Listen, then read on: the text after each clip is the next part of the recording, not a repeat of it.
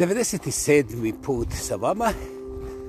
Dakle, punim naslovom Slama, samostalni lingvistički aktivista, samo proglašeni lingvistički aktivista, monumentalno autentični ja pa ja, a ko bi drugi? Vladimir kreće ispod predivnih stinovitih planina. Dakle, dragi moji, danas... Hi, Danas govorimo o višku višaka. Dakle, vrlo zanimljiva stvar, malo upoznati sa nekakvim jezičkim e, alatima bi rekli otkud ti pleonazam koji ne, vode, ne vodi nikuda. E, a ja neću ništa ni reći jer to otprilike izgleda ovako. Kada sitome date još jela, najkvalitetnijeg, najbolje koje možeš zamisliti onda mu zapravo niste dali ništa nego ste mu uzeli. I ovaj, ja ću to ponoviti, vi to znate, ja sam uvjeren da se tu slažemo. Dakle, kada sitom čovjeku date još jela kvalitetnog, dobrog, onako kako on samo cijelog života zamišlja, onda mu ništa niste dali, ali mu jeste oduzeli možda i više nego sve. Naime, neki će u tom momentu uzbuđenja i jednostavno nesnalaženja prekoračiti onu mjeru koju tijelo može iskontrolirati, a rezultat je he, jedna karta u jednom pravcu na mjesto sa koga se he, u ovih zadnjih nekoliko tisuća godina doslovce niko nije vratio dobro, skraćeno rečeno. Če gekne bre, nemo da se rešajte. Ovaj, morao sam dobrosti ove latinske poskočice jer postoje neki komentatori koji istine još uvijek nemaju veliki glas na ovom podcast nebu i koji zapravo imaju sve standarde betonirane na njihov način sa njihovim mjerilima i oni nemaju ni trunke sumnje da su oni jedini ti koji mogu da donesu validne ocjene, sudove i normalno šta ćeš ti mene masirati kad ti ja kažem tako. E. Znate, gospodo, nastavite i dalje, ali budite spremni da vas se ne bih rekao analizira, nema šta analizirati sa tim sadržajem koji uglavnom odlazi u one veće cijeve ispira se vodom, ali vi ste veoma osjetljivi na svoje nepogrešive titule imena i svoje adrese i ja nemam nikakvog problema da to sve objavim.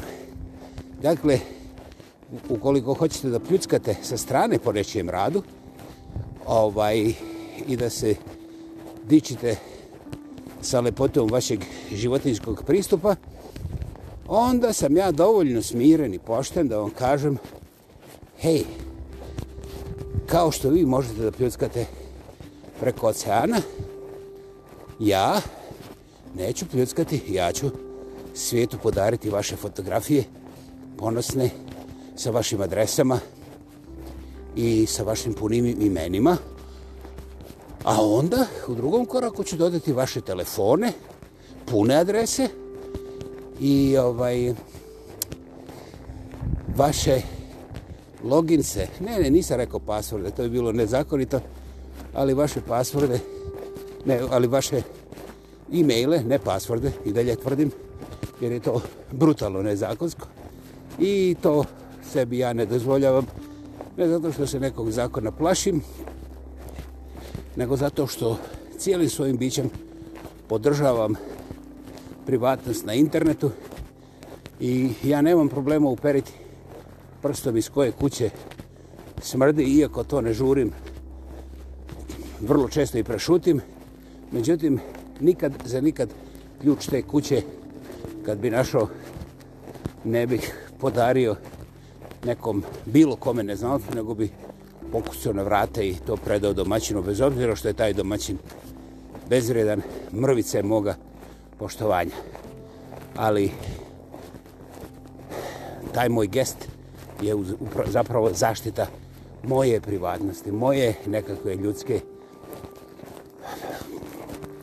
sfere u kojoj ja ne mogu nasilu postići ništa, ali ako pokažem dobru volju, onda se barem dobro osjećam i mogu se nadati da će i meni neko dati takvu šansu. Znači, to je razlog moje zaštite, mene, i moga. A vi, gospoda, ako hoćete da nastavite da me plašite i da prijetite i da pomalo važavate, znate šta? Ja vas zaustaviti ne mogu. Jedina sila koja vas može zaustaviti ste vi i vaš mozak ukoliko želite da ga uključite. Međutim, ukoliko vi ne razumijete šta sa takvim istupom radite sebi, hej, no problema. Doće vrijeme pa ćete razumjeti i višak ali vas niko, vama baš niko, neće ne samo slušati, nego ni počastiti jednom čašom vode kako vam je temperatura kroz plafon. Dakle, to nije prijetnja, nego je to logika univerzuma u kojem ni jedan dug ne ostaje neizmiren. Jedina je stvar što čovjek misli, znaš, pobjegao sam danas. Pa možeš da bježiš i godinama, ali što dulje bježiš, još dulje se kajaš. Cijena je uvijek time veća. I ako ne želite razmišljati, pa radite gluposti. Bože moj, nismo svi rođeni da budemo pametni na prvu. Moramo najprije slaviti vrat i drugima i sebi, pa onda se sjetim u nekim parkovima za invalide da možda može i drugčije uvijek je moglo drugčije, uvijek će moći drugčije. Dakle, sve ovisi o vama. Vratimo se na previše. Dakle, sitom čovjeku daš još toga što on voli i pokažeš mu da ima još. I ako se ga uhvati u raskoraku u brzini, njega će njegovo oduševljenje odvesti u vrlo ozbiljno zdravstveno stanje. E, preždravanje je blagi oblik toga stanja, a šta se može desiti, nećemo u detalje i sami znate, i to je to. I sad koga briga što se neko preždero pa se raspada od tog pustog jela, puše i radite neke druge radnje koje nisu previše popularne za javno kazivanje. Međutim, Upravo to je fantastična slika da se na najkraći način objasni šta se dešava sa našim ultra povezanim društvom planetarno. Znači, gotovo da nema sela gdje nema, ako ne internetska veza, ono telefon. I svako sa svakim može da razgovara sad, odmah ili nama, kako god hoćete. I čovjek je pomislio, pazi vraga, ljudi mogu da komuniciraju neometano kako god hoće, da li preko ulice, preko države ili preko kontinenta ili preko planete, pa čak i u svemir. I to je onda divota jer eto, možemo ravno do Boga.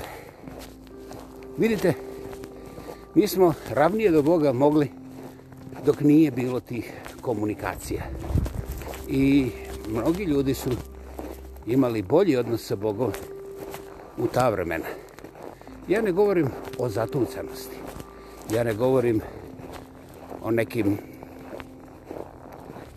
ne baš naprednim dostignućima vremena koje su iza nas, ali svakako govorim da je manjak tehnologije izbrusio jedan mali procenat ljudi do te mjere da su oni svoje duhovno i intelektualno doveli u balans koji ja ne mogu nazvati nikako drugčije nego božanskim, a potvrda zato je što su ti ljudi bili nevjerovatno korisni za svoju okolicu u kojoj su živjeli, a danas, danas se njihova djela izučavaju na najvišim akademskim razinama i nažalost vrlo često samo tehnički jer se ne ulazi u praksu primjene ravnoteže duhovnog i intelektualnog.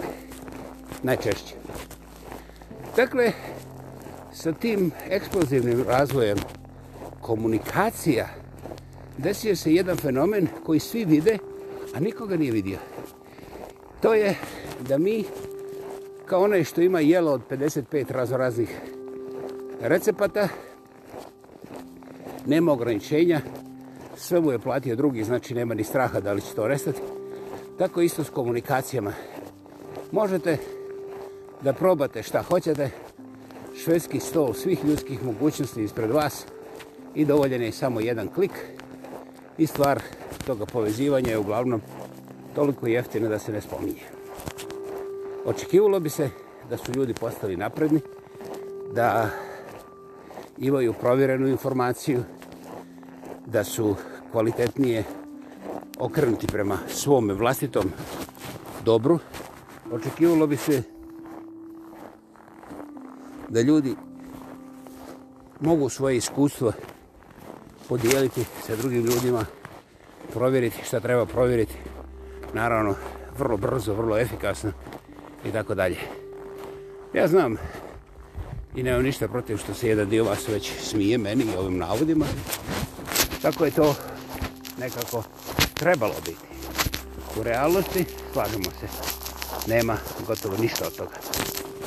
Višak informacija, dakle, brzina izmjene informacije na internetu, bez obzira kakve, od seksualne do političke, od religijske do poljoprivredne, izaberite, samo se više svi.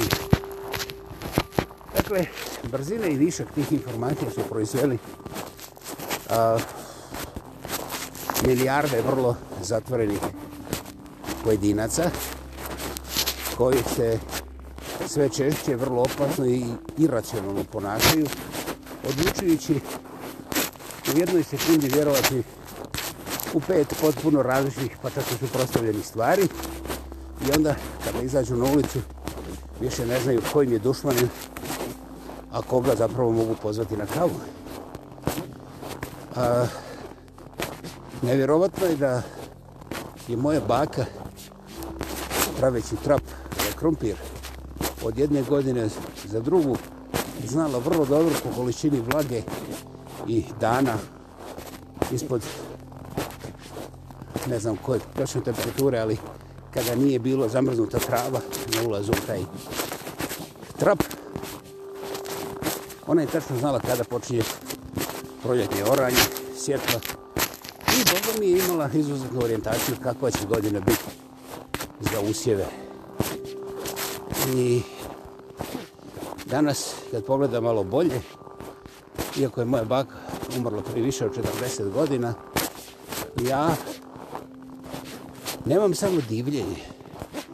Ja imam jedan rastući ponos i svaki dan nešto naučim ako mogu da se sjetim kada je baka govorila i dešifriram stvari. Ona naravno nije stvari šifrirala, nego pošto sam ja bio odgajan da kao mladi nasljednik ili muški, bože moj, da znam sve i pošto su me tako osokoljavali da se učim u životu ko će čvršće držati buzdovan, ja sam smatrao da baka samo dosađuje. Da, da, žalosno, tužno od mene, i ovaj istinit. Ja bih volio da mogu ispričati drugu priču, ali ja znam da baka vidi i sada. Ja znam da je baka meni i sada i onda oprostila, vjerovali ili ne. I zato ne želim sakrivati ni jedan oblik moje spoljene strane. I to samo dokazuje da ako čovjek hoće biti čovjek, da mora imati svoje sjećanje, da mora imati svoje padove i promašaje i da onda sam od sebe treba da prihvati to, ali ne da bi nekoga pogurao lijevo ili desno sa svoga puta, nego da bi sam došao bliže spoznaj i kvalitetnije u životu i da bi sam sebe korigirao i odlučio koja je sljedeća lekcija na koju mora posebno da obratim pažnju i da uloži više energije i više napora da se sve to konačno na odgovarajući način savlada. Da. Tako je moja baka ekspert za komunikacije i ona kad je htjela nešto da se čuje u cijelom selu, a selo je bilo poveliko, ona nije pošla na brdo da viče svima, hej, poskupio šećer, a ulje se prodaje jeftinije nego što je bilo jučer. Na. Ona je pogledala na donju stranu svoje kuće, ima li ko u bašće od ovih susjeda, nema. Onda je pogledala, pogledala na goru stranu, ha, eno ona, znaš, Mileva čuva ovce. Jedan kaže, Mileva, he, he, he, he. kako si, dobro se jesi bilo u zadruži da kupuješ te nalepke? Ma kaže, ne znam, ne ide mi se, ne idem se. E, kaže, baka, vidiš, sutra ti je zejtin jeftini za 5 dinara. Ma, Boga ti, ko ti je rekao, ne smijem ti reći, ostati se čovjek bez posla, ali tako je. Jo, kaže, hvala ti. I dok si rekao, nisam morao ništa više da kažeš, te večeri cijelo selo od par stotina kuća je znalo da je sutradan ulje jeftinije za 12 dinara do 15. Kako? To vidiš, to, taj, taj prenosni dio priče još uvijek nisam naučio, ali ujutru prije otvaranja zadruge u redu se nalazi pola sela, čekaju 12 do 15 dinara jeftinije. To je moja baka znala kako je to išlo. To je misterija, ali je išlo. Dakle, ko vadi čovjek? Pokušajte primijetiti šta vama radi vaš internet i da li je zapravo ikad ništa uradio za vaš stvarni interes. I nemojte tražiti krivice. Pogledajte sebe. Zašto vi ulažete toliko vremena za određene stvari koje i sami vidite da vam ne donose korist i da vam donose puno glavobolje. A ponajviše vi mislite da se družite sa ljudima, a oko vas nema nikoga. Zaboravili ste razgovarati sa svojim ukućanima. Jer eto, samo da odgovorite na ovaj e-mail, samo da vidite ko je postirao nešto na ovaj, na udruštvenu mrežu ili ono. Dakle, draga moje gospodo, stvari su i za vrijeme moje bake bile u našim, odnosno njenim rukama. I vjerovali li ne.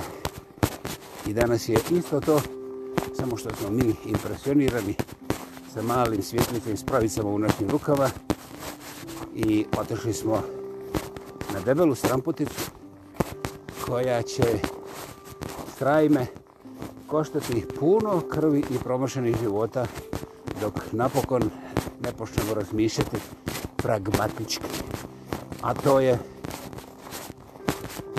otprilike grubim crtežom ovako kada bi vrlo oštru britvu dali kromanjoncu da se obrije. Pošto je to tako maleno, on bi uzao puno šakom. I ne bi ni osjetio, pošto je vrlo oštro, on se odmah zarije u meso i dok bi on prošao iz ruke na ruku, dok, dok ne bi shvatio gdje se nalazi drška, a gdje je oštrica, mogućnost je da bi se ubio. Mogućnost je da bi se ubio onaj sljedeći. A onda velika je mogućnost da bi oni u prepiranju koje koga ubio uzeli to pa iskoristili kao oružje jedan kontra drugoga. Vjerovatno zato Bog nije smestio tu oštru britvu, naravno kako je bilo poznato u 19. stoljeću, ja ne govorim ove danas zatvorene, i ovaj, ta tehnologija materijala je znači pričekala malo da ljudi ovaj, da se kao to pripremi tehnološki. Dakle, a, mi imamo tu britvu danas, britvu komunikaciju koju hvatamo kako ko stigne. Možete pretpostaviti da to nikako nije dobro. I to nije moja kritika vama. Jer bilo koji majmun da se popne na granu i objasni drugim majmunima šta je banana. Ne da je u krivu, nego je promačena stvar. Ko će to slušati? Ali, da primijetimo kako je potreban drugi pristup i to da primijetimo počinjući od sebe, e, to je već napredak. I to je već pragma. A korist moramo redefinirati. Korist nije a, ono što je 2 dolara ili 200 dolara viška. Ja, ja se slažem sa tim. Međutim, ako mi korist definiramo samo novčano, znači monetarno, onda je naša korist jednodimenzionalna i mi ćemo uvijek biti bogalji.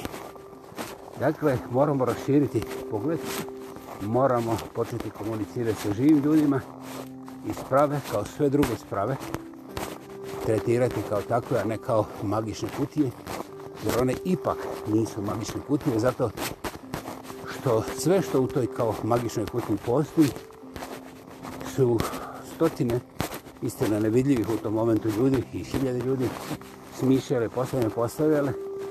Tako da ovaj, to predstavlja oblik nekakve misterije, ali samo zbog velikih brojeva, inače to nije misterija.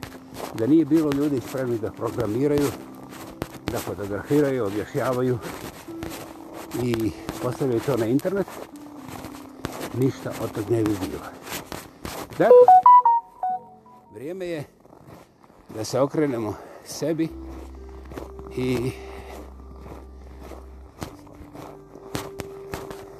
da uvidimo kako mistificiranje magičnih putija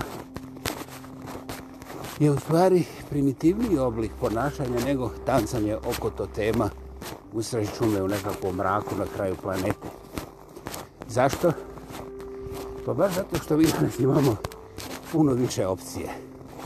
A svi smo zalijepjeni za naš totem, to jest magičnu kutiju, telefon, pametni, još usto pametni, pazi vrage.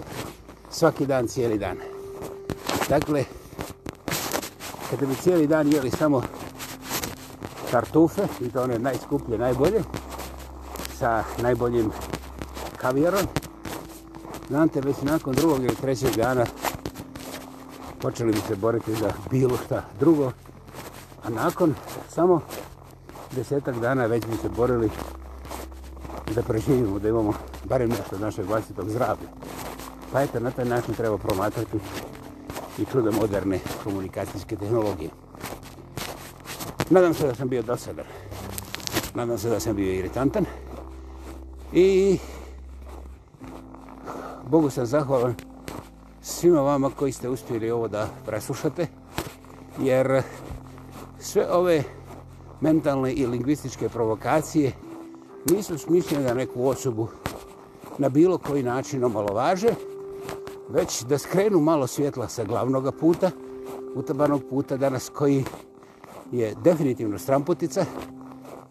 I onda, kada pogledate okolo, Ja nemam nikakve sumnje da će vaša inteligencija pokazati kvalitetnije rješenja za vaše vrijeme, za vaše druženje i za uživanje u vašem vlastitom životu. To mi je bio cilj. I u tome duhu i u tome sluhu ja vas ostavljam 97. put slama sa vama.